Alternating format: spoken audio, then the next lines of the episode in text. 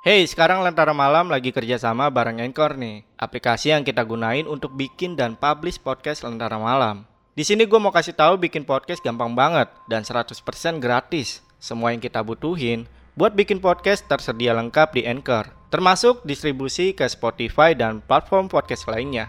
Yuk, download aplikasi Anchor sekarang dan bikin podcast kalian segera.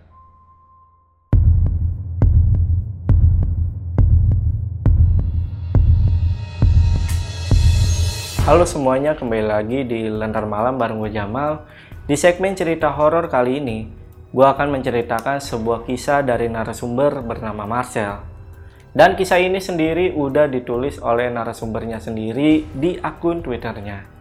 Jadi buat teman-teman yang mau baca versi tulisannya, kalian bisa langsung aja follow akun Twitternya ada di @penulismalam94. Dan gue mau terima kasih sama Marcel karena udah diizinin bawain kisahnya dan juga kiriman kaosnya yang sekarang gue pakai nih. Thank you sekali lagi untuk Marcel. Nah, gue mau ingetin juga buat kalian yang punya pengalaman horor dan mau jadi narasumber di Lentera Malam atau mau sharing cerita pengalaman horor kalian, langsung aja kalian DM ke IG-nya Lentera Malam yang ada di @lentaramalam.id. Dan kalian juga bisa mampir ke akun IG pribadi gua ada di @jamaludin underscore daris. Dan untuk semua linknya gue taruh di deskripsi. Nah, kisah yang akan gue bawakan kali ini tentang pengalamannya Marcel saat dia bekerja di salah satu rumah sakit.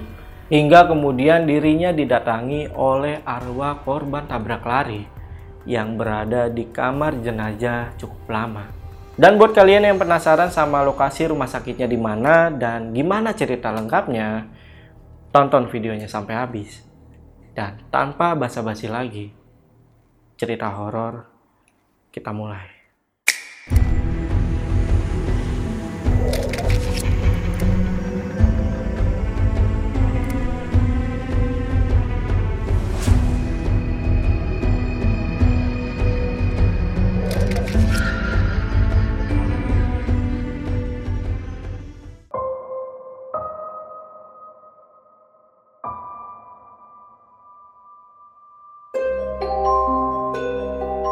Ini adalah sebuah kisah yang diambil dari narasumber bernama Marcel saat dia masih bekerja sebagai penjaga pos parkir di salah satu rumah sakit Cikarang tahun 2014. Malam itu Marcel mendapat giliran menjaga tiketing di pos parkir pintu keluar kendaraan. Seperti biasa, Marcel lebih sering ambil shift malam karena nggak terlalu banyak kendaraan yang lalu lalang di rumah sakit.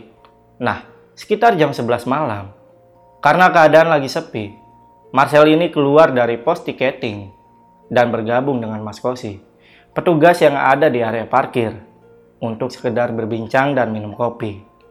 Nah, baru beberapa saat Marcel duduk di luar pos. Ada ambulan jenazah yang datang dan langsung berhenti di depan ruang jenazah. Dan di saat itu juga, ada sebuah mobil dari kepolisian yang ikut memantau. Sebagai gambaran, letak ruang jenazahnya ini ada di dekat pos pintu keluar Nah, Mas Kosi yang kepo langsung menanyakan soal peristiwa yang terjadi kepada polisi. Polisi menjawab dengan ramah pertanyaan dari Mas Kosi. Katanya, kalau peristiwa ini adalah peristiwa korban tabrak lari di jalan yang gak jauh dari rumah sakit. Kepala korban pecah karena terlindas sebuah truk dan si pengemudi berhasil kabur. Tapi polisi sudah mendapatkan cukup bukti untuk pengejaran pelaku dari beberapa saksi yang melihat kejadian naas di TKP. Polisi juga menjelaskan jika dia masih mencari identitas dari korban karena si korban tidak membawa kartu tanda penduduk atau tanda pengenal lainnya. Ketika mereka berdua lagi berbincang-bincang, pandangan Marcel teralihkan dengan genangan darah yang keluar dari kamar jenazah. Seketika Marcel merasa mual karena bau anyir darah yang tercium sangat menyengat. Gak kuat bau amis darah ya mas. Kondisi korban tadi memang parah. Kepalanya pecah sampai otaknya juga berceceran. Kok bisa separah itu pak? Memang kejadiannya gimana pak? Iya, korban tabrak lari. Awalnya motornya jatuh dan dari belakang tiba-tiba muncul truk tronton yang langsung melindas. Innalillahi wa inna ilaihi roji'un. Setelah pengantaran jenazah selesai, polisi kemudian pamit meninggalkan rumah sakit. Marcel dan Mas Kosi yang masih duduk di luar dekat kamar jenazah kini saling pandang. Mas Kosi, ini bau amis darahnya kuat banget ya? Nggak berhenti-berhenti. Kita pindah deh duduknya agak jauhan. Saya juga lama-lama enek nih. Ketika Marcel dan Mas Kosi melanjutkan obrolan, Marcel melihat ada mobil yang ingin keluar dari rumah sakit. Seketika Marcel lari menuju pintu keluar pos parkir untuk membuka palangnya. Sewaktu Marcel ini lari, tiba-tiba Marcel menginjak genangan darah dari kamar mayat yang belum sempat dibersihkan oleh petugas kebersihan. Aduh, kaki gue nginjek bekas genangan darah dari ruang jenazah lagi. Setelah selesai membuka palang parkir, Marcel mencoba membersihkan kakinya dan melepas sepatu yang kena genangan darah tadi. Saat itu semua masih baik-baik aja. Marcel sendiri bahkan sampai lupa kalau sepatu yang tadi terkena genangan darah belum dia bersihkan.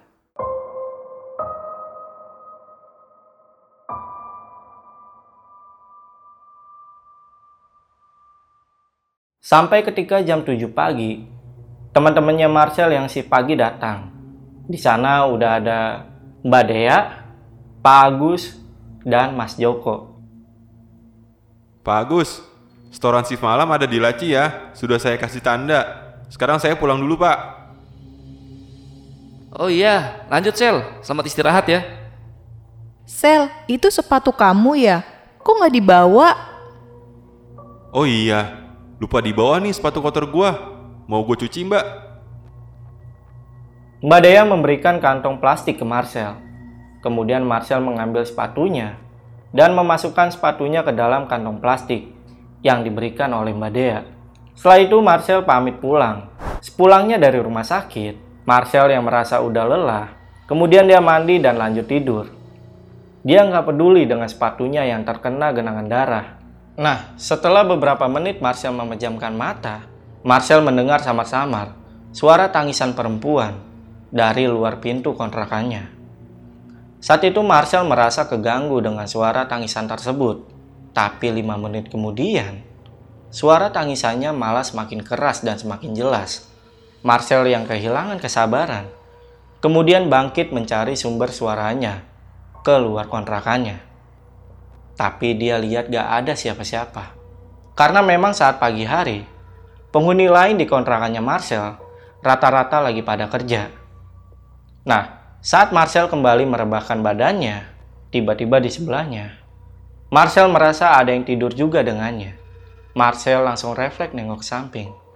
Dan pas Marcel nengok, Marcel melihat ada sosok perempuan yang sebagian kepalanya hancur, satu matanya bolong, serta tali pocongnya yang masih mengikat ke atas menahan bagian kepalanya yang hancur.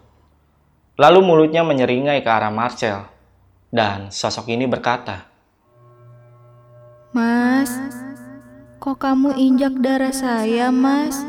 Salah saya apa, Mas?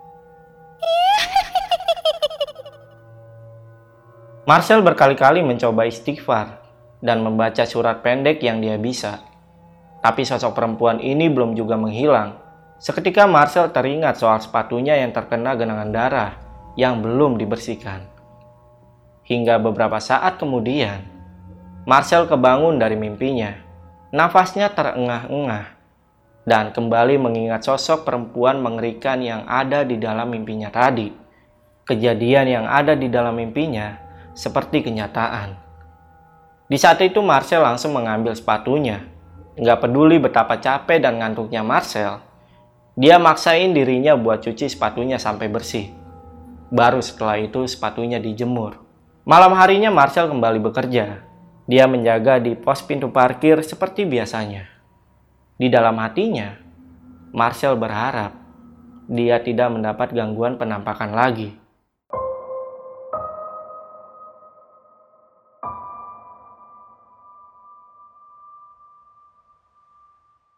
Beberapa saat kemudian, Mas Kosi datang dan ngasih tahu Marcel soal korban tabrak lari yang semalam. Yang ternyata masih belum ada pihak keluarga dari korban yang datang dan membawa jenazahnya, dikarenakan masih belum ditemukan identitasnya. Eh, tahu nggak?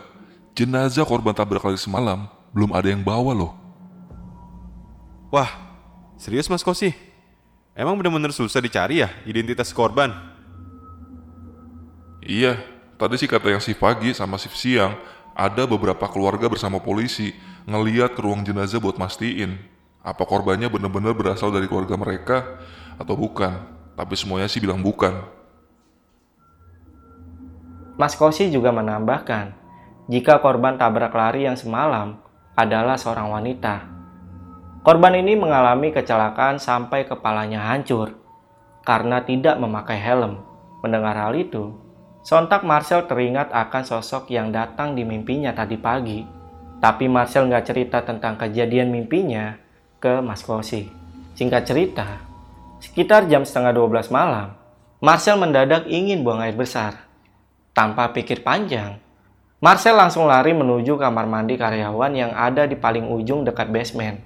Saat itu perasaan Marcel agak tenang, karena saat di depan kamar mandi, Marcel lihat ada seorang perawat wanita yang berdiri membelakangi kamar mandi. Marcel nggak menghiraukan wanita ini. Dia langsung masuk ke kamar mandi. Nah, pada saat dia lagi buang air besar, lampu yang ada di dalam kamar mandinya berkedip-kedip Duh, gimana sih ini? Masa lampu udah mau rusak ini belum diganti? Dengan segera Marcel menyelesaikan buang air besarnya dan bersiap kembali ke pos parkir. Dan baru beberapa langkah keluar kamar mandi, Marcel melihat perawat perempuan yang dia lihat tadi di kamar mandi lagi duduk sendirian di tangga menuju basement. Feeling Marcel udah nggak enak. Dia mencoba menghiraukan dan gak mau negor perawat perempuan itu. Dan benar saja, baru beberapa langkah berjalan, tiba-tiba ada suara ketawa kuntilanak dari belakangnya Marcel. Marcel yang ketakutan langsung lari ke area pos. Sesampainya di pos parkir, di dalam pos ada Mas Kosi yang sedang duduk menatap ke layar monitor. Dengan suara terbata-bata dan keringat dingin, Marcel cerita ke Mas Kosi. Mas, Mas Kosi, tadi saya habis ngedenger suara cekikikan kuntilanak. Untung aja saya nggak ditampakin wujud aslinya, Mas. Mas Kosi hanya diam dan tidak merespon perkataan dari Marcel. Lalu Marcel menepuk dan memegang pundak Mas Kosi. Dan ketika Mas Kosi menoleh, wajah Mas Kosi menjadi sangat pucat.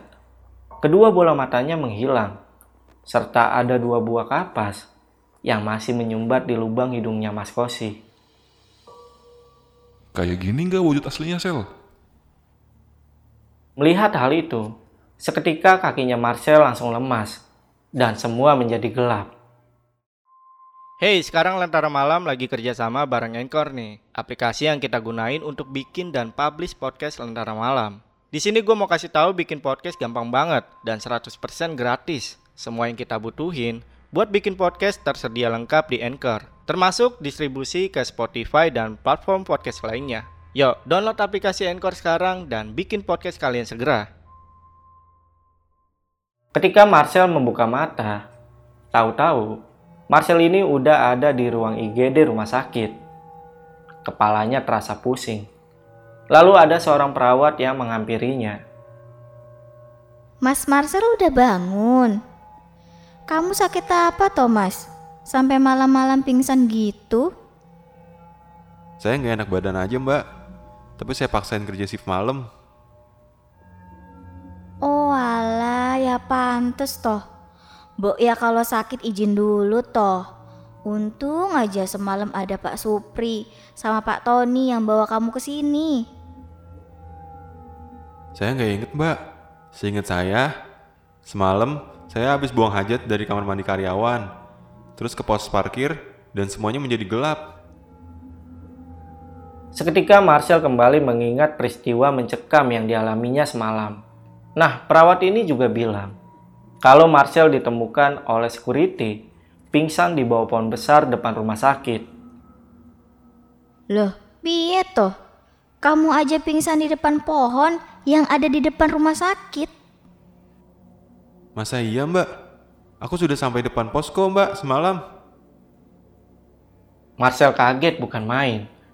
Tapi dia juga nggak mau nyeritain kejadian yang semalam dialami. Sekitar jam setengah 8 pagi, Pak Agus datang untuk melihat kondisi Marcel. Dan Pak Agus juga ngasih info ke Marcel. Kalau dia diliburkan mengingat kondisi Marcel yang belum pulih. Marcel segera mengemasi barangnya yang tertinggal di pos parkir. Lalu dia diantar pulang oleh Mas Jupri. Sepanjang jalan, Mas Jupri dan Marcel saling berbincang. Dan di sini Mas Jupri ngasih tahu ke Marcel. Katanya, sekitar jam 6 pagi saat Marcel masih pingsan, jenazah wanita korban tabrak lari malam itu sudah ditemukan dan dibawa oleh keluarganya. Mas Jupri juga cerita, kalau korban ini merantau sendirian di Cikarang. Keluarganya berasal dari Jepara. Ibunya sampai pingsan saat melihat jenazah anaknya yang kepalanya sudah hancur. Saat itu juga, korban langsung dibawa oleh mobil ambulan ke kampungnya. Menurut penuturan polisi yang saat itu juga sedang ikut mendampingi, si korban ini mungkin mau keluar cari makan malam. Makanya dia nggak pakai helm dan nggak bawa tas atau dompet. Cuma ada uang 15 ribu yang ada di saku celananya. Namun naas, saat itu juga ia mengalami kecelakaan.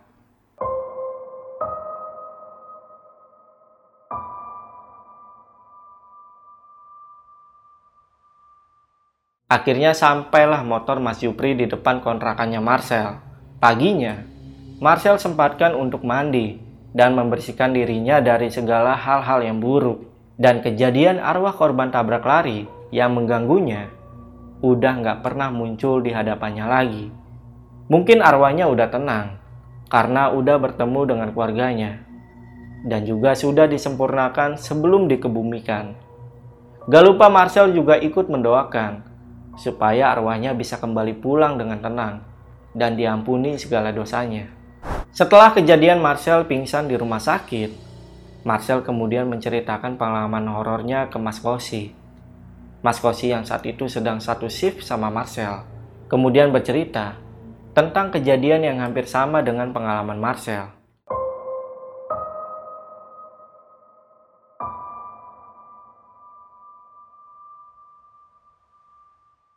Kejadian peristiwa yang dialami Mas Kosi terjadi di tahun 2011. Tepatnya di kala itu, dia sedang shift malam dan diminta untuk menjaga di basement rumah sakit. Karena banyak aduan, jika helm para karyawan rumah sakit hilang ketika mereka pulang dari shift malam. Mas Kosi yang saat itu masih menjadi karyawan baru, dia sama sekali belum tahu jika lokasi yang ada di basement adalah lokasi yang cukup angker di rumah sakit ini.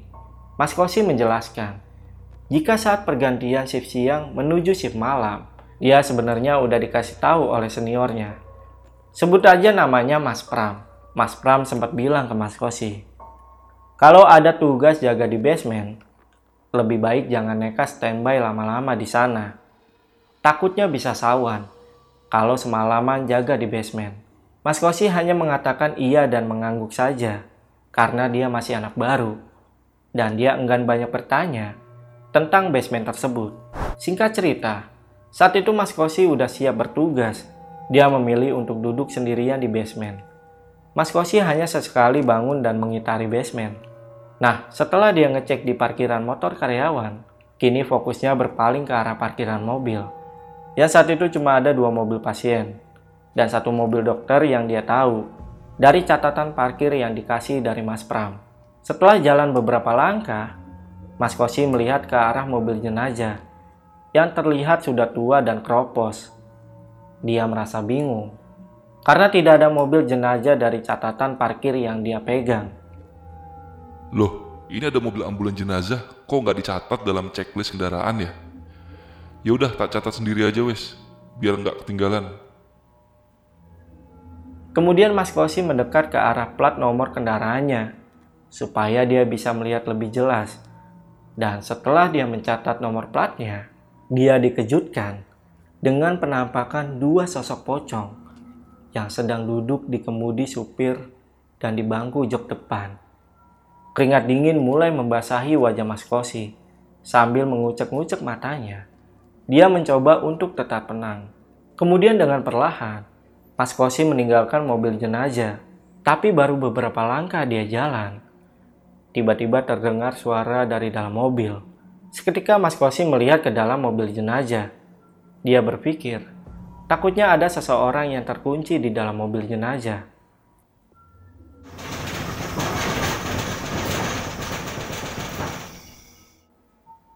Dan saat Mas Kosi melihat ke dalam mobil, matanya terbelalak dengan pemandangan keranda mayat yang bergerak-gerak. Mas Kosi langsung balik badan dan dia mencoba untuk lari keluar dari area basement. Begitu dia lari, untungnya di depannya ada Pak Eko, satpam rumah sakit yang sama-sama lagi tugas malam. Alhamdulillah, untung ada Pak Eko di sini. Pak Eko lagi jaga di basement juga.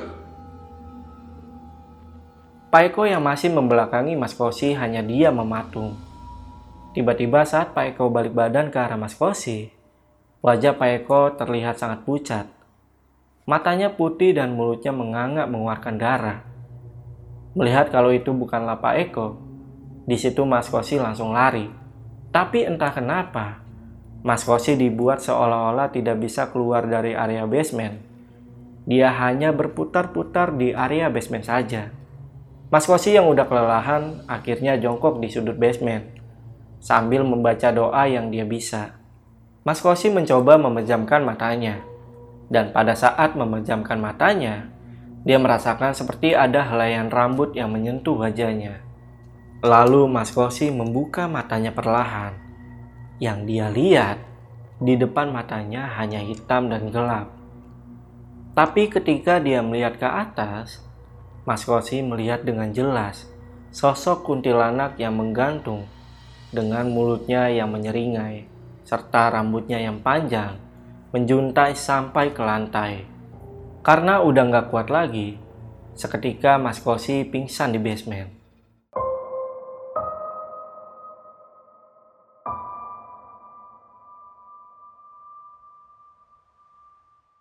Pagi harinya Mas Kosi dibangunkan oleh cleaning service yang ingin membuang sampah.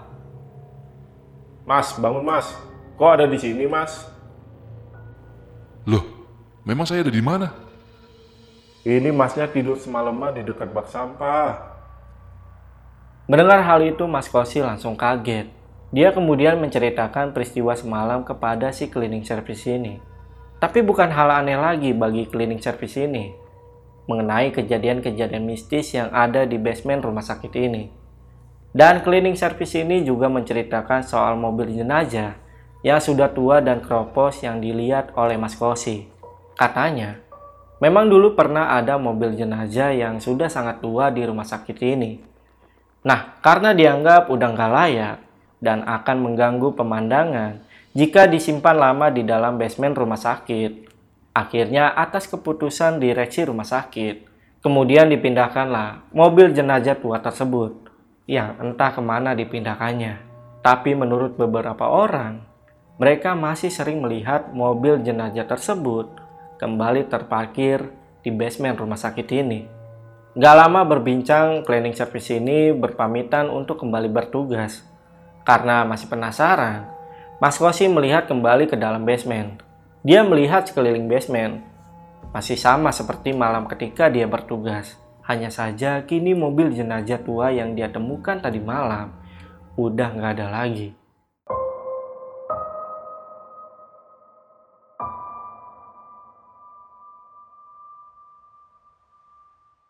Jam 7 pagi, Mas Kosi yang masih sangat lemas akhirnya pamit pulang dan menyerahkan catatan parkir kendaraan hasil semalam kepada temannya yang bertugas shift pagi. Dan temennya bilang, Mas, kok ini ada mobil ambulan di daftar catatan parkir Mas Kosi? Bukannya udah lama mobil itu dipindahin? Iya, saya semalam diganggu sama debit basement. Kapok saya jaga malam di situ lagi.